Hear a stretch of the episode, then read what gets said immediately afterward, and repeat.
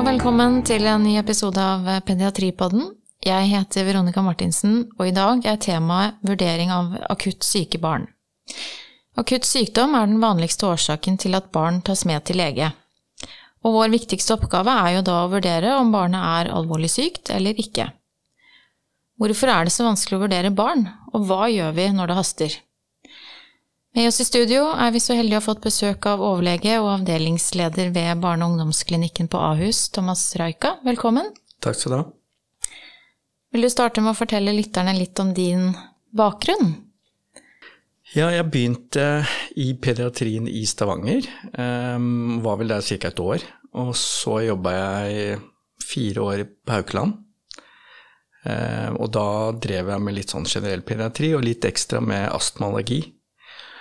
Så når jeg skulle tilbake igjen eh, til Oslo, så jobba jeg ett år på Voksentoppen, som da ikke lå på OS, men som lå litt mer idyllisk til. Um, og jobbet der et halvt år. Og så jobbet jeg et år på Ullevål, eh, på allergipoliklinikken. Mm. Og etter det så um, møtte jeg en av mine gamle mentorer som sa at uh, intensivmedisin, det er noe å satse på. Så da tok jeg anestesi her, og så var jeg et, ja, 15 måneder på Great Ormond Street i London for å lære meg intensivmedisin. Og så har jeg vel vært her uh, på Ullevål i ja, nesten 21 år. Eh, før jeg dro til eh, Ahus og har vært der i tre år. Og jeg har primært drevet med hjerte-lungeredning, sånn at jeg har sittet i Norsk restaurasjonsråd i mange år. Og så har jeg, hatt med simulering å gjøre, og litt med beredskap å gjøre. Så det er det som liksom stort sett jeg har drevet med. Imponerende. Um, kurs i APLS, altså Advanced Pediatric Life Support, eh, holdes to ganger årlig, og det er jo obligatorisk for å bli pediater. Eh, og det er jo veldig bra, eh, og skulle ha vært gått av stabelen denne uka. Tenkte vi kunne begynne litt med hva som ligger i begrepet APLS. APLS kommer jo fra Manchester. Det er noe som heter ALSG, Advanced Life Support Group, eh, som har tilholdssted der. Og de har mange kurs, eh, flere pediatriske kurs, men det viktigste kurset er da APLS. Eh, og det som er viktig, er jo ved en strukturert tilnærmet til et akutt sjukt barn, så er det viktig å gjøre det samme hver eneste gang du har dårlige barn, for å ikke gå glipp av noe. Um, og det man ønsker da, er at uh, ved hjelp av et kurs som dette her, redusere morbiditet og mortalitet hos akutt syke barn. Mm. Og dette har vi holdt på med siden 2002. Så det har blitt noen kurs. Vi kjører to kurs i året, og vi har håpet på at det skal bli obligatorisk i veldig mange år, og det, til slutt så har det blitt det, så det er vi veldig glad for. Ja, det er kjempebra. Eh, noen tenker kanskje at eh, barn er miniatyrversjoner av eh, voksne, men sånn er det jo ofte ikke. Og klinisk vurdering av barn blir jo da også mer komplisert. Hva er de viktigste forskjellene mellom barn og voksne? Ja, Det er jo det første du lærer når du begynner innen pediatrien, at barn ikke er eh, små voksne. Innen traumatologien på Ullevål så tenker de litt annerledes med dem om det. Eh, det viktigste er jo at det er en del forskjeller som man må forholde seg til når man vurderer eh, akutt syke barn. Eh, for det første er det jo sånn at eh, vekta er naturlig nok mye mindre ved fødsel, ca. Ja, 3,5 kg, og så triples det i løpet av første året. Og så går man gradvis opp i vekt til ja, pubertetsspurten, og så øker man mer.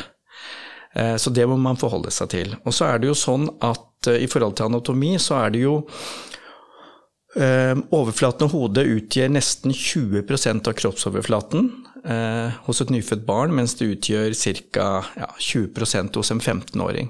Nei, unnskyld, 10% hos en 15-åring. Så det er veldig stor forskjell, og det må man forholde seg til, både i forhold til varmetap, i forhold til at eh, hodet da også eh, sitter på en liten, tynn hals. Hodet faller ofte bakover. Bakhodet er veldig stort. Eh, og det kan bety mye i forhold til ufrie luftveier. Um, og også hvis man skal kikke inn i halsen på unger. Så vet vi at uh, kraniet er mye mykere. Vi vet at hjernen er mindre myelinisert. Uh, vi vet at hvis vi går nedover, da, så vet vi at neseborene er mye trangere. Og det skal veldig lite obstruksjon i form av slim eller sånne ting for å tette. Og ungene puster jo stort sett gjennom nesa når de er ja, opptil seks måneder, så det betyr mye. Så er tunga veldig stor, som gjør at man da ofte får ufrie luftveier. Det kan være vanskelig å kikke inn, og ofte har du også store adenoider eller tonsiller, sånn at det blir veldig lett eh, trangt. Eh, hvis man går litt lenger ned, så er det jo sånn at thorax er mye mykere. Det er en av årsakene til at du ser det som vi kaller inndragninger. Når det er søkk under ribbeina eller mellom ribbeina eller eh, ovenfor eh, kravebeina. Og det gjør jo for det første at når du puster inn og skal liksom utvide lungen, så klarer ikke den myke toraksen å dra ut lungen ordentlig. Eh, og i hvert fall når det puster ut, så kollaberer ofte de små luftveiene, nærmer seg det som heter closing volume.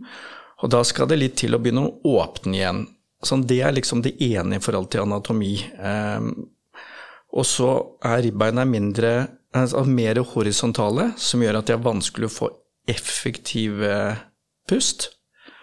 Eh, og så inneholder det færre type 1 muskelfibre, og det er muskelfibre som er viktig fordi at ellers så blir man mye lettere sliten i forbindelse med pust. Så det er flere årsaker til at pusten da eh, tåles Altså respirasjonssvikt tåles dårligere hos unger enn hos voksne.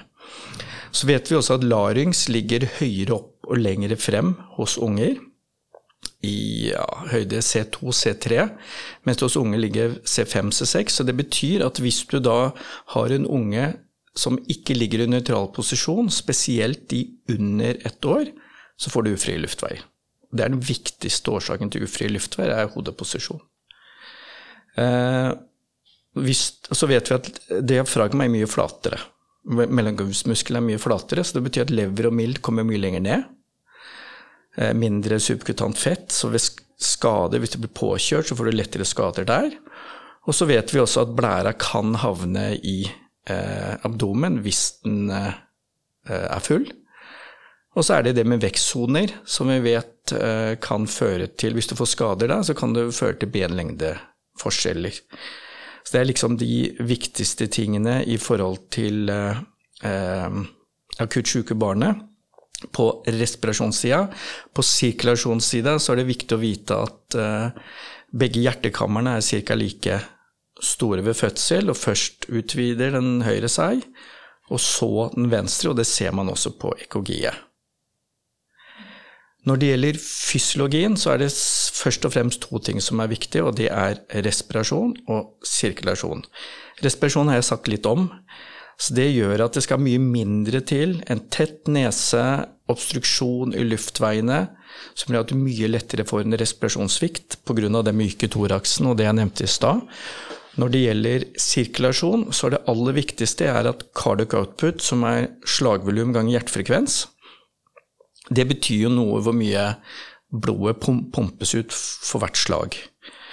Og inntil ungen er ca. to år, eh, så kan den øke cardiac men bare, altså primært ved å øke hjertefrekvensen opp til 220 ca. Hvis den er høyere enn det, så er det nesten alltid en eller annen form for hjerterytmeforstyrrelse, arytmi.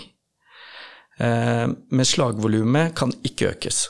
Så det betyr at hvis du har en sepsis, hvis du har en flaksi, hvis du blør, så klarer ikke kroppen å kompensere noe særlig. Den kan øke hjertefrekvensen, men ikke slagvolumet. Så det er liksom det viktigste for forhold til anatomi og fysiologi. Når det gjelder hvordan ungene er, så det er et eget kapittel. Eh, for det første så er det jo sånn at eh, vi vet at eh, ungene er helt avhengig av sine pårørende. Så hvis du er redd, så er barna redde. Så det som er ekstremt viktig, er å prøve å skape en rolig atmosfære. undersøke en unge og gå direkte på, da har du tapt. Da kan du bruke lang tid på i det hele tatt få gjennomført undersøkelsen. Så hos de minste ungene kan det være lurt å snakke med foreldrene først, og så bare ha ungen liksom i øyekroken. Mens når de er eldre, så skal de snakkes til først, og ikke foreldrene, selv om foreldrene svarer. Så det er det ene. Det andre er jo at de, de har ikke noe tidsbegrep.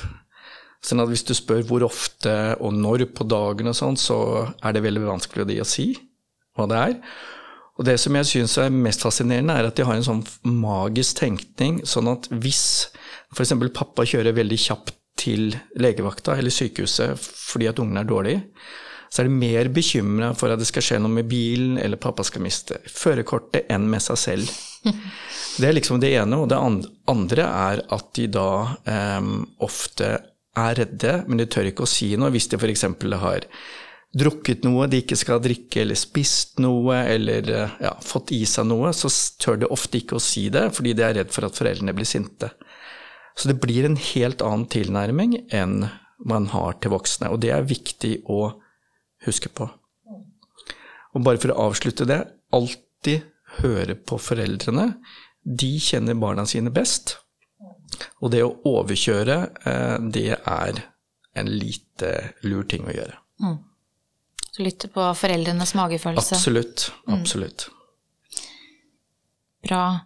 Ikke, du nevnte dette med vekt. Det er jo ikke alltid man har en aktuell vekt. Kanskje barn ikke har vært på helsestasjon på veldig lenge.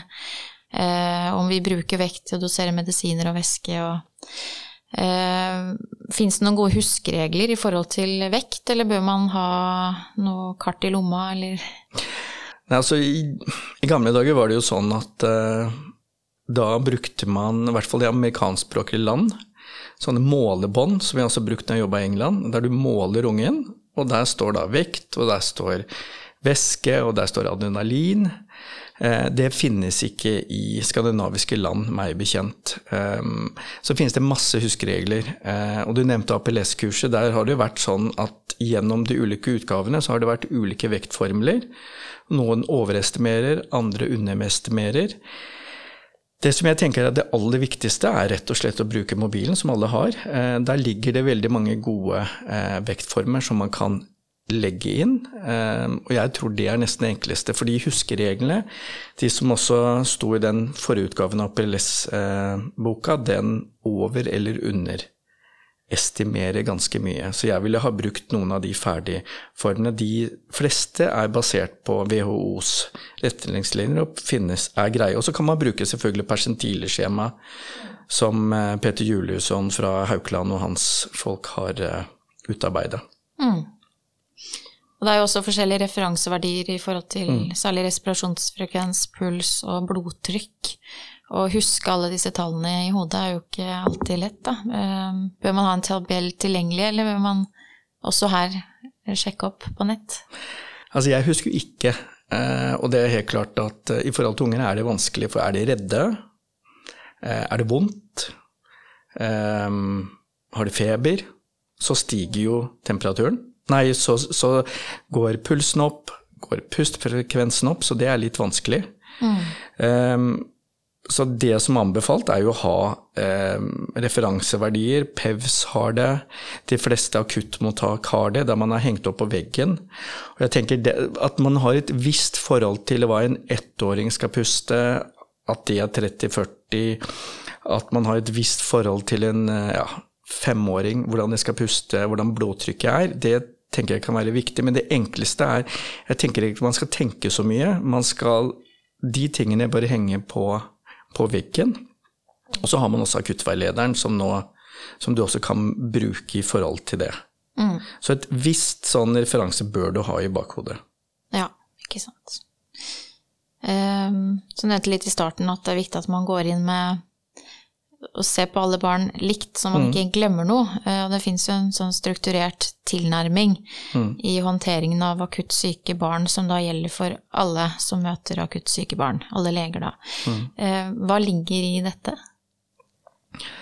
Altså det som er farlig, det er at hvis unge, en unge kommer inn, eh, og så ser du at det er litt grann, kanskje blod i ansiktet, eller Du ser at på ungen som fanger interessen din, så mister du ofte den kontrollen ved å ha den strukturerte tilnærmingen, og da kan du glemme eh, ting. Det som jeg var mest opptatt av når vi begynte med APLS, det var rett og slett at eh, pediatere er veldig gode på diagnoser. Med en gang det kommer inn en unge, så skal man prøve å finne ut hva feiler den ungen. Det er egentlig helt uinteressant i første henseende. Du må først klarere at ungen puster, at ungen har frie luftveier, at ungen har en blodsirkulasjon og et blodtrykk som er greit nok, at ungen er våken, så kan du begynne å tenke litt videre. og Derfor er det så viktig med den strukturerte tilnærmingen. Og Forslaget er jo at når du har en unge som ikke er så dårlig som du ser på i akuttmottaket eller på legevakt eller hvor du er, at du da øver deg ved å gå gjennom helt strukturert frie luftveier, om ungen puster på den måten det skal, og om ungen har den sirkulasjonen og blodtrykket den skal, våkenhet, og da hvordan, hvordan, ungen er, om den er kald, om det har noe utslett og sånne ting. Så det, det er det jeg tenker er det aller viktigste. Mm.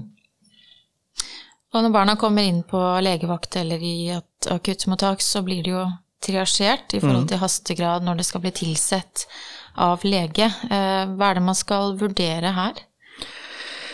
Um, ja, det, det, finnes jo flere triasjesystemer. Uh, det finnes Manchester, uh, som jeg har brukt noe. Det finnes RETS-P, uh, som man også kan bruke. Og så er det jo PEV, som i utgangspunktet ikke er et rent triasjeringsverktøy, men som liksom er mer en vurdering av et akutt sykt barn. Det som er faren hvis du ikke bruker noe, det er um, at når du kommer til en plass Jeg husker en gang vi kjørte bil, og jeg ble dratt ut fordi at jeg sa at jeg var doktor, og skulle hjelpe til. Eh, og så så jeg flere som lå utenfor bilen, og én var en yngre mann som var helt full av blod, tilsørt, og hylte og skreik. Eh, og så ved siden av han så lå det en tolvåring som var helt stille og bleik. Og det var ingen som gikk til tollingen, alle gikk til den som hadde blod og skreik. Og det er helt klart det som er viktig, er å prøve å finne ut hvordan de ulike personene er, hvor dårlige de er. Og da bruker man også eh, struktur. Man prøver å finne ut hvilke, hva er problemet. Eh, og man ser på om det er livstruende, man ser, er, eh, man ser på temperatur, man ser på smerte, man ser på bevissthet. Og så ut fra det så skal, må man da vurdere hvem skal inn først, hvem må vurderes først, og hvem kan vente dette. Og det er vanskelig. Det ble gjort helt ypperlig her 22.07. Tok imot en haug med eh, unge voksne. Og da var det noe av det aller viktigste. Altså man var veldig flink til å triasjere. Eh, men det som er mer vanlig, er jo en vanlig vinter. Nå blir nok ikke denne vinteren helt vanlig, men en vanlig vinter med masse luftveisinfeksjoner. Eh, der du har fem, seks, syv eh, unger som venter og jeg har vært med på at vi har mista unger fordi at man ikke da har gått rundt hele tiden og sett på hvordan ungen, ungene har det. Så det aller viktigste er nesten en revaluering, for en unge kan være ganske grei først, og så tar det en runde om en liten stund, og så blir ungen så har ungen fallert ganske kraftig. Ja. Så derfor tenker jeg eh, triasjering er viktig. Og så er det jo også sånn at Eh, PEV, som nå, som for øvrig kom fra Ahus, eh, er blitt, det er vel implementert på alle barneavdelinger, det er 21. Eh, og jeg må innrømme at jeg var veldig skeptisk til å begynne med. Og nå jobber jeg på sykehuset der det kom fra. Men hovedgrunnen til det er Altså jeg snakket med et par av overlegene her på Ullevål som sa at fordelen er at da får du i hvert fall en del informasjon når ungene kommer inn. Du får en respirasjonsfrekvens, du får respirasjonsarbeid. Eh, du får kapillærfylning. mm. Eh, sånne ting. Og det fikk du kanskje ikke like systematisk før. Ulempen er at hvis du spoler blindt på det, og det har skjedd noen ganger, så kan du glippe. Du må ikke glemme de magefølelsene, du må ikke glemme klinikken. Men de to tingene sammen kan være veldig bra. Spesielt nevrologisk dårlige unger kan være vanskelig eh, å vurdere, og for så vidt unger med et normalt blodtrykk. De to tingene er, tar ikke PEV så godt. Så vet jeg at det er noen barneavdelinger som har eh, eh, lagd andre versjoner av PEV som også tar inn sånne ting, men det tenker jeg er litt viktig å huske på. Ikke glemme klinikken, men bruke PEV som ett av flere verktøy. Mm. Og når det koker, som du sier, og mange som mm. venter, og alle sykepleierne er opptatt, alle legene er opptatt, så er det vel ingen som rekker å retriasjere heller. Nei, og det som eh, jeg har vært med på det et par ganger, er at de foreldrene som kommer inn på vaktrommet eh, eller på legevakta gjentatte ganger, Eh, enten så er det sånn at du tilser den ungen med en gang, eller så tenker du at dette er bare en mor som er litt slitsom, vi må se på alle de andre ungene. Og da har det vært tilfeller der ungene har vært helt elendige, og man har gått glipp av det, fordi at man har en sånn tanke om at eh, ja, det er kanskje ikke så viktig når, når, de kommer. Den andre ungen er mindre, eller den bør du se på heller. Så det der er ikke lett, og derfor er det desto viktigere å bruke så mye objektive kriterier som mulig. Mm. Ja, jeg nevnte litt Eh, sånn i starten i forhold til smerte og, mm. og frykt. Eh, og vurdering av det er jo også et viktig moment. Og barn reagerer og viser gjerne smerte på en annen mm. måte enn voksne. Hvordan kan man gjenkjenne at et barn har smerter, og hvorfor er det viktig at man tar tak i det? Ja, hvis vi skal ta det siste først, så er det jo fordi at ved enkelte tilstander, f.eks. en del sånn luftveisplagg som astma f.eks., så kan det være det som liksom vipper en unge fra å akkurat klare å puste, til at de stresser seg så mye opp at de da blir så dårlige at de trenger da pustestøtte på den ene eller andre måten. Ehm, jeg tenker det som er viktig, er nummer én, du må se på ungen. Og helst eh, ikke når du undersøker, men før du undersøker, når eh, mor eller far tar av ungen klærne f.eks., se på ungen da. Eh, se hvordan ungen sitter, hvordan ungen beveger seg. For det kan ha noe med hvordan eh, smerten er, altså holdning.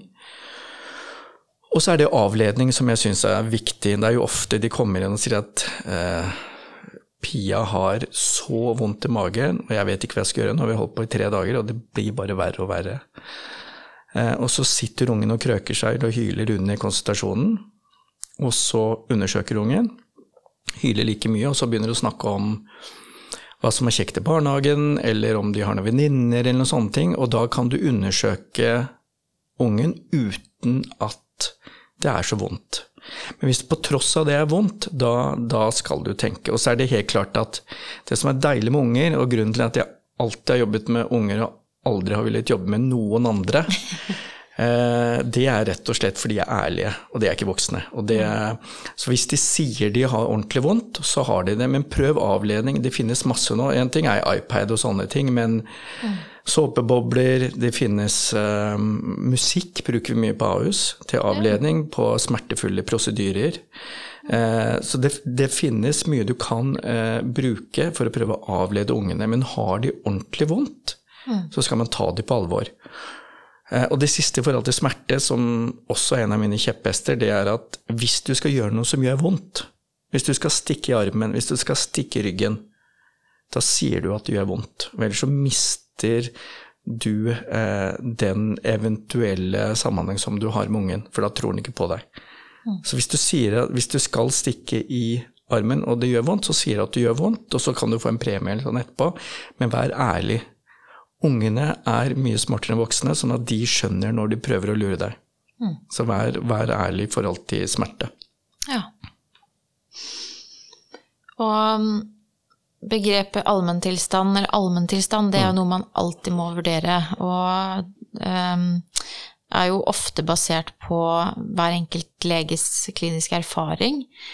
Um, hvilke momenter er det man bør ha med i vurderingen av allmenntilstand? Ja, Det er kanskje noe av det aller letteste og aller, aller vanskeligste. Eh, for det er det vi sier, og jeg bruker jo det hele tiden også. Eh, det at man skal se til allmennstanden. Jeg er ikke så opptatt av feber hvis ungen løper rundt. Eh, og ofte så er det sånn at når jeg ser en unge, for jeg jobber jo også prim primærhelsetjenesten, ser hun ungen og mor og far er veldig bekymra for ungen er veldig dårlig, og så løper han rundt og drar ut alle skuffene og prøver å trykke på tastaturet. Og så tenker jeg at hvis, hvis, de mener at ungen nå er dårlig, så lurer jeg på hvordan den er når den er frisk.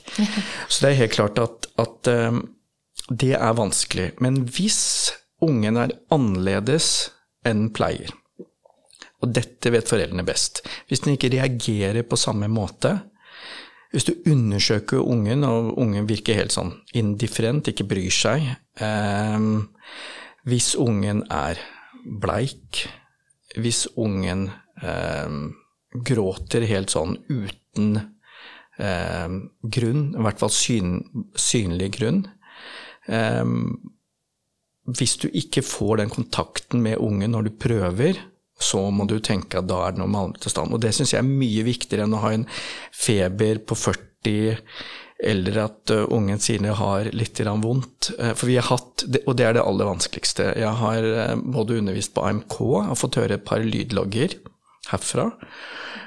Og også snakket med en del sykepleiere som sitter og tar imot telefoner. Det er noe av det aller vanskeligste å vurdere på telefonen. Mm.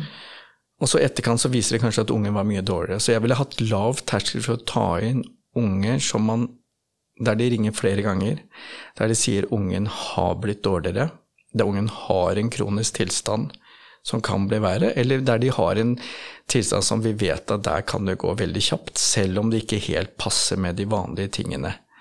Så tilstand er nok det aller, aller viktigste å vurdere. Du vet jo at mm. ved Eh, hjernehinnebetennelse. Nå ser vi det sjeldnere enn før. Mm. Der var det sånn at man sa i gamle dager at du måtte ha utslett som du ikke kan trykke bort. Da må du være obs. Og fremdeles er det sånn. Men det er helt klart at hvis hos en del unger så får jeg ikke utslett. Og det er annerledes. Og hvis det er under tre år, så gir de andre tegn. Og da er det, hvis de da nesten ikke gidder å gi kontakt og er helt annerledes, da er det dårligere allmenntilstand, og da skal man ha lav terskel for å se på ungene. Mm. Godt poeng. Mm. Um, jeg tenkte vi kunne Du nevnte dette med man begynner fra toppen, mm. ikke sant. A, B, C. Eh, at vi kunne gå litt gjennom den primærundersøkelsen ja. eh, og håndteringen av et akutt sykt barn, basert på den, mm. det prinsippet, da. Ja, altså det, det, første jeg ville gjort, det var jo å se på ungen når ungen kommer inn. Hvis du ser den på legevakt eller hjemme hos pasient, eller hvordan den skal være. Eh, se på hvordan ungen puster. Eh, og alle unger skal kles av, mm. sånn at du får sett hele ungen. Hvordan puster ungen? Puster den fort? Puster den langsomt? Eh, har du noen inndragninger, som jeg snakka om i stad, med søkk mellom under ribbeina eller over kravebeinet? Eh, hører du noe? Eh, er det på innpust, er det på utpust? Sånne ting.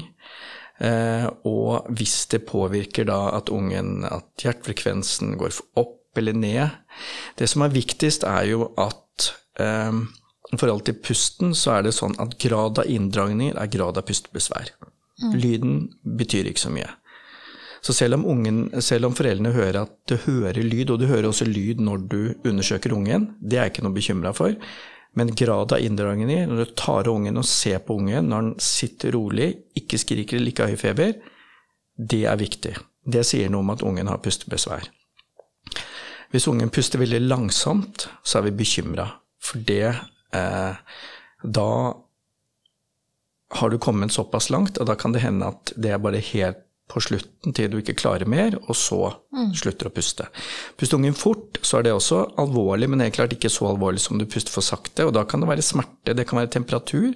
Så kan det selvfølgelig være de tingene du ser etter, med at uh, ungen har mista væske eller an andre ting, eller har uh, luft, altså luftveisobstruksjon på den ene eller andre måten.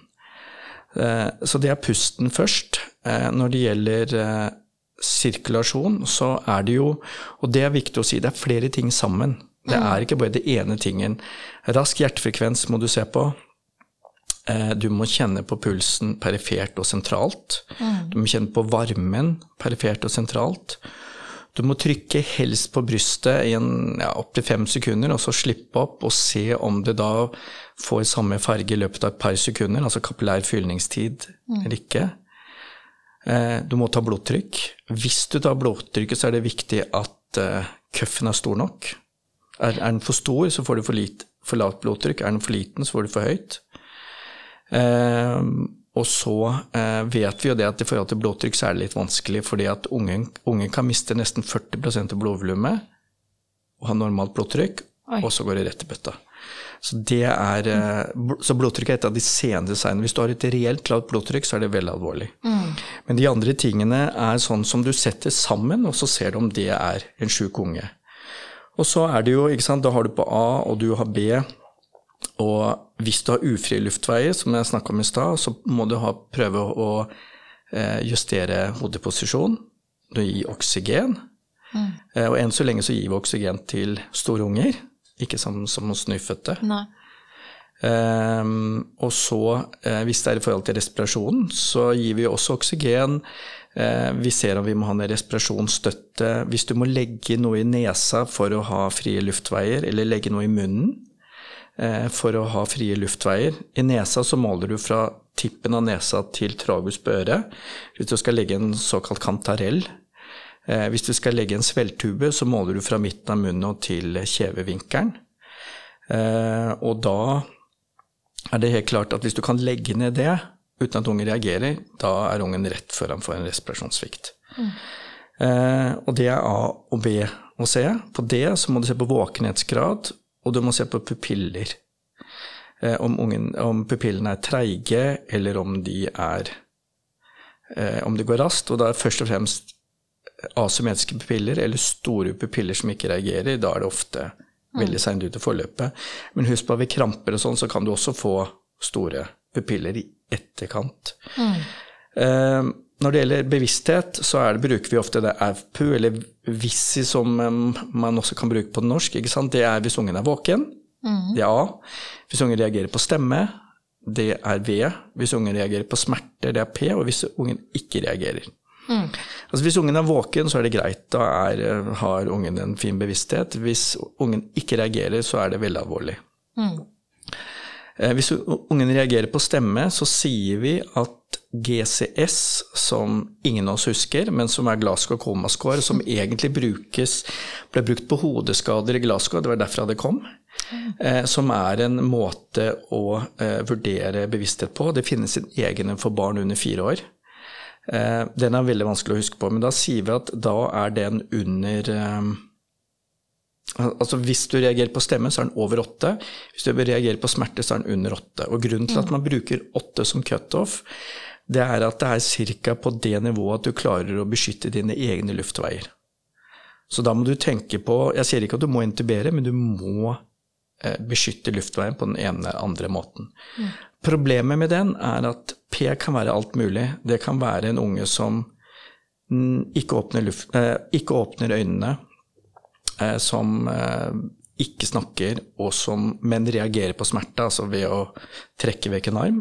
Og det kan være de som åpner øynene og eh, prøver å dytte deg bort. Begge to har P på smerte. Så det kan mm. være litt vanskelig å reagere på, men du har i hvert fall et visst forhold Altså mm. Det siste er da E, og det er da sant, temperatur og um, utslett på den ene eller andre måten. Og så bruker engelskmennene ofte noe som heter AB, eller DEFG. Don't ever forget glucose. Fordi at hvis du har et lavt blodsukker, så kan du også ha en veldig lav bevissthet. Og som du veldig lett kan um, reparere ved hjelp av å gi glukose. Ikke sant. Så det er liksom den primære håndteringen. A, B, C, D, mm. E. Og det man gjøre på alle unger. Og hvis det er et eller annet som stopper deg, så stopper du der. Har du et respirasjonsproblem som du ikke kan løse, så kan du ikke gå videre. Da må du løse det først, mm. før det går til å se. Du ser et symptom, og så behandler du, og så går du videre. Mm. Og er det på noe tidspunkt lurt å sjekke at det fortsatt er stabilt? Ja, det du sier nå er det aller viktigste. Reevaluering. Det er det mm. viktigste. Fordi at det kan hende du har hatt frie luftveier, og så er du mindre våken. Og så klarer du ikke å beskytte luftveiene, og så plutselig ligger du og er hypoksisk, og så kan du få en svær hjerneskade. Og det har skjedd. Mm. Så det å reevaluere, som du nevner, er noe av det aller, aller viktigste. Så at du bruker bokstavene og reevaluerer underveis, det er viktig. Og spesielt hvis du har flere pasienter samtidig. Ja, ikke sant. Eh, er det noen aldersgrense for når man kan bruke GCS? Som man bruker på voksne? Du kan egentlig bruke det ned til ja, års alder. Men som sagt, det er derfor de har lagd noe som heter Pediatric Glasgow Common Score, som skal være under fire. Og det er bare, men det går mer på at du Da kan du ikke prate hvis du er bitte liten, ikke sant. Mm. Og Glasgow Common Score så skal du si noen ord. Ja. Så det er mer de tingene du går, går på som er mer naturlig den alderen. Men Glasgow Common Score brukes helt ned til de aller minste ungene. Mm. Og så er det da noe som heter liksom sekundærundersøkelsen. Da. Mm. Hva, hva, inngår der når man har gjort hele primærundersøkelsen? Og når du har gjort primærundersøkelsen, og selv om jeg snakka lenge, så skal man i utgangspunktet bare bruke ca. et minutt på det, ikke sant? Ja. så det skal gå ganske fort. Og så er det sekundærundersøkelsen, og det er det vi egentlig gjør. Ehm, mm. Du sjekker luftveiene da òg, men da ser du om ungen. Da hører, du tar en anamnese, og så gjør du en klinisk undersøkelse, og så gjør du eventuelt tiltak, observerer ungen, og så ser du om du kan beholde ungen, eller om den skal sendes videre til et eh, mer avansert senter.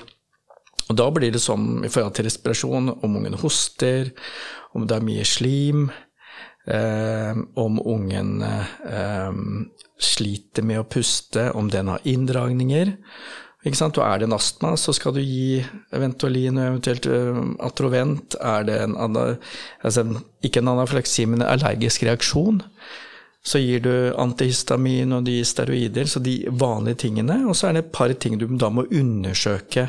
Hvis det er en unge som puster veldig eh, eh, voldsomt, så må du tenke kan det ha noe med at eh, syre-basebalansen er feil, ta et blodsukker, kan det være en ketoacidose f.eks., sånne ting. Og i forhold til sirkulasjon så er det det samme om det er rask, om det er rytmeforstyrrelser, eh, om ungen er bleik, eh, kald, eh, trenger en væske, eh, kaster den opp, sånne ting. Så det er liksom de helt vanlige tingene du undersøker. Du må først ta den primære, og så tar du den sekundære, og da gjør du de tiltakene som er underveis. Og det er det som alle barneleger eller legevaktsleger gjør mm.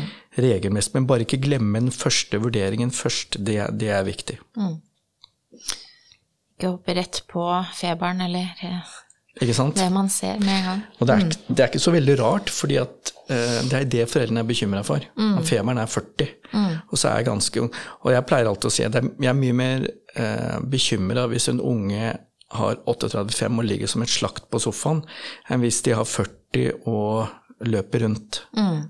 Så igjen allmenntilstanden, sånn at du ikke bare hopper på det som er mest, det mest åpenbare. Ikke sant.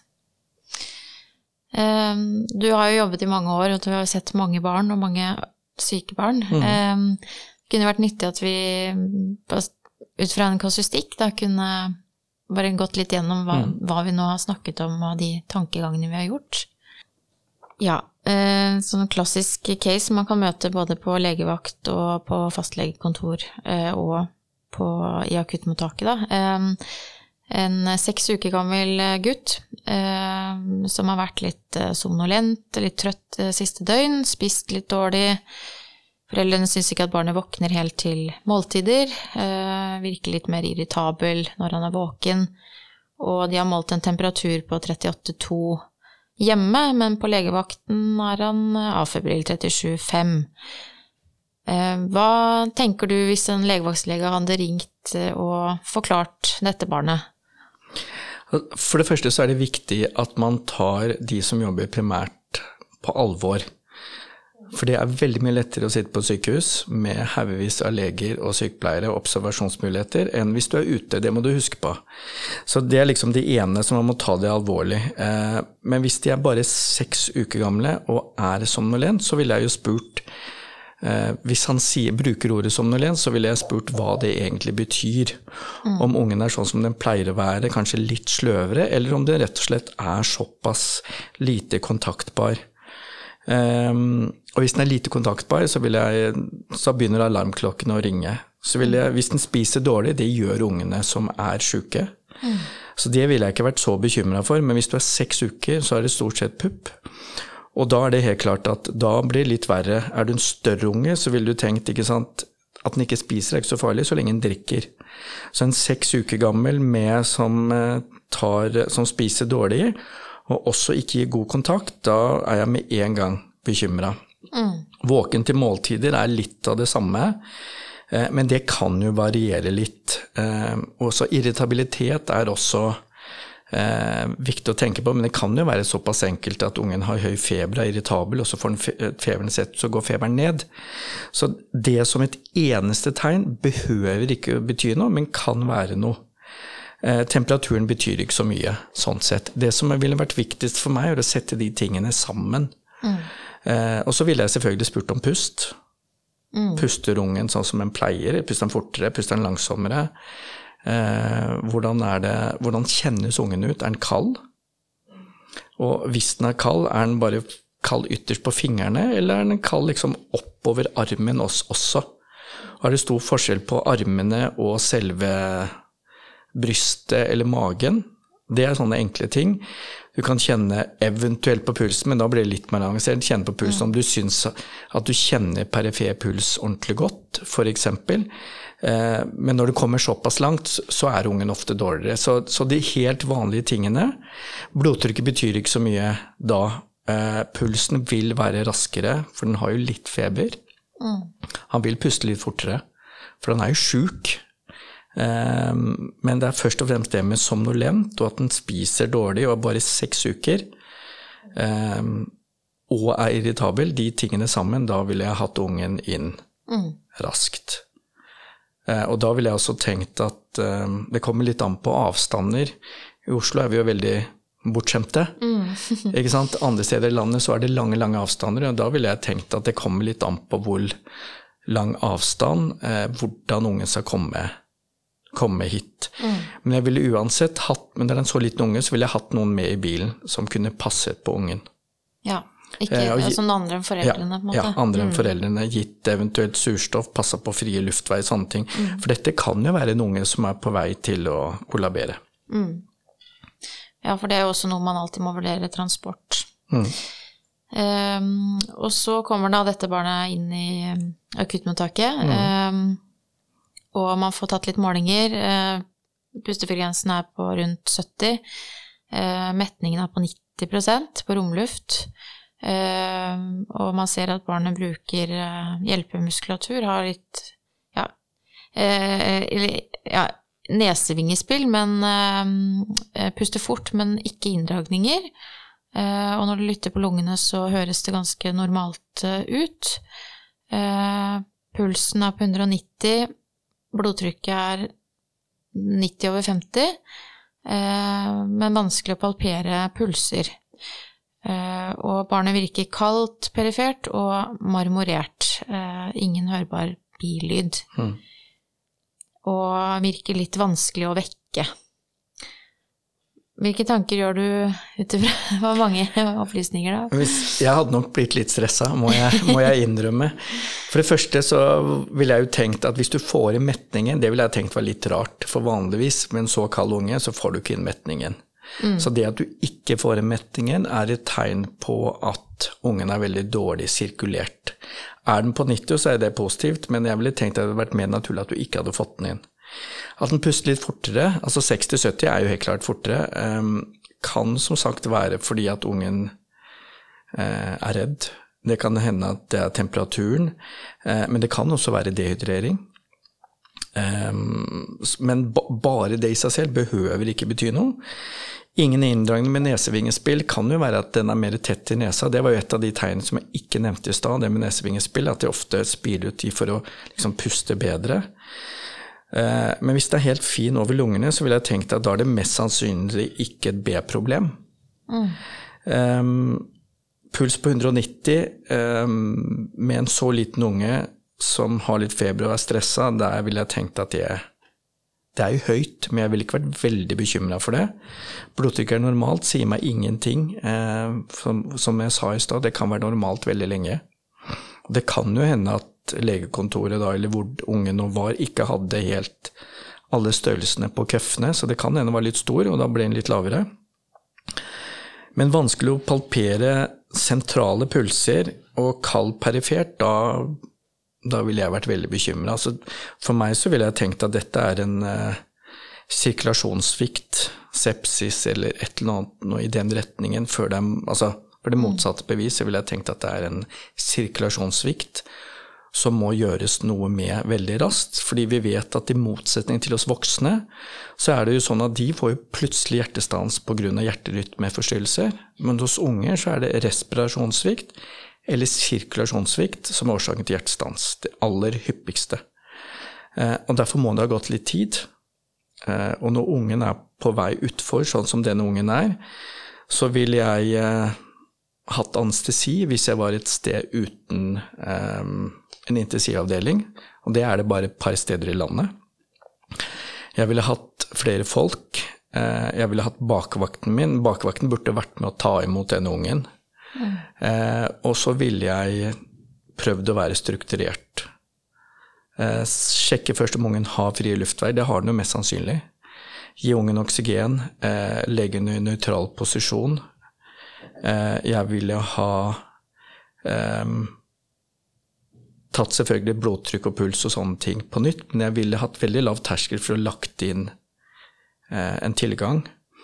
Eh, ikke bruke lang tid på å prøve å stikke unge med veneflon eller en mm. PVK, fordi det er ofte veldig vanskelig. Veldig lav terskel for å legge inn intraosøs.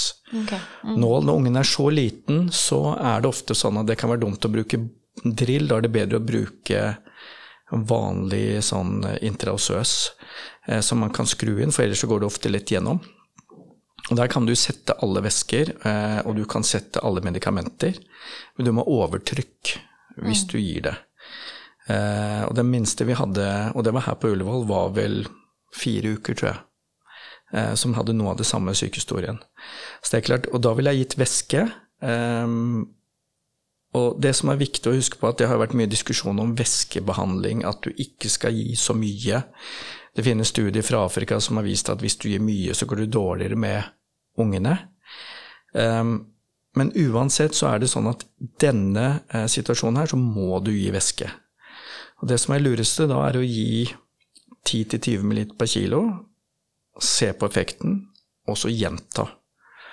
Eh, og det som er lurt da, er å ikke bruke en 50 ml sprøyte, for den er veldig svær, og da uansett om du har gått på studio og er veldig sterk, eh, så er det nesten umulig å få pressa inn væsken. Så det enkleste er å bruke to 20 ml sprøyter, bruke en treveiskran, henge opp væsken, og så skifte treveiskranen fram og tilbake, så du får gitt væske mm. kjapt. Og da har du også kontroll på hvor mye du gir. Og når ungen er såpass liten, så er det desto viktigere Teoretisk sett kan det jo være en hjertefeil. Eh, og det er helt klart, det med bilyd sier jo ingenting. Og da er det selvfølgelig farlig å gi altfor mye væske. Mm. Eh, så man må ha det i bakhodet. Derfor er det lurt å gi litt, og vurdere ungene. Mm. Eh, hvor fort kan man gi væske, da? På en så liten unge som da kanskje veier fire kilo, så ville jeg gitt eh, ti ml per kilo eh, i bolus. Eh, og da la oss si at Eh, du skal gi 40, så gir du kanskje 20 umiddelbart. Venter et par minutter, gir 20 til. Eh, venter en fem minutter, og så gir du samme dose. For her er det ofte sånn at det er væske du trenger. Men husk på det at dette kunne jo også vært en unge med hjertefeil. Eh, og hvis du gir for mye væske da, så kan det gjøre vondt verre. Så derfor så er det viktig at du gir litt om gangen og vurderer. Nå hadde jo den metningen på 90 mm. i romluft. Og hvis den hadde steget med surstoff, så er det jo mindre sannsynlig at det er en hjerteunge, men det er en unge med hjertefeil. Men det er helt klart at teoretisk sett så kunne det ha vært det. Mm. Og her kunne man jo snakket lenge. her kunne man snakket lenge. Så det illustrerer jo bare hvor bredt man må tenke, og hvor mm. vanskelig det kan være. Tusen takk, eh, Thomas. Eh, mye nyttig informasjon for alle leger som tar imot akutt syke barn. Eh, klarer du til slutt å oppsummere med tre viktige take home messages til de som hører på? Tre. Det ene er hør på foreldrene. Det andre er vurder allmenntilstand. Og det siste er ikke vær redd for å be om hjelp hvis du har en dårlig unge. Det er en styrke, styrke og ikke en svakhet å be om hjelp. Mm. Kjempebra. Tusen takk for at du kunne komme. Vær så god. Og tusen takk til alle dere som hører på Pediatripodden. Vi, jeg heter Veronica Martinsen, da, og vi høres igjen i neste uke.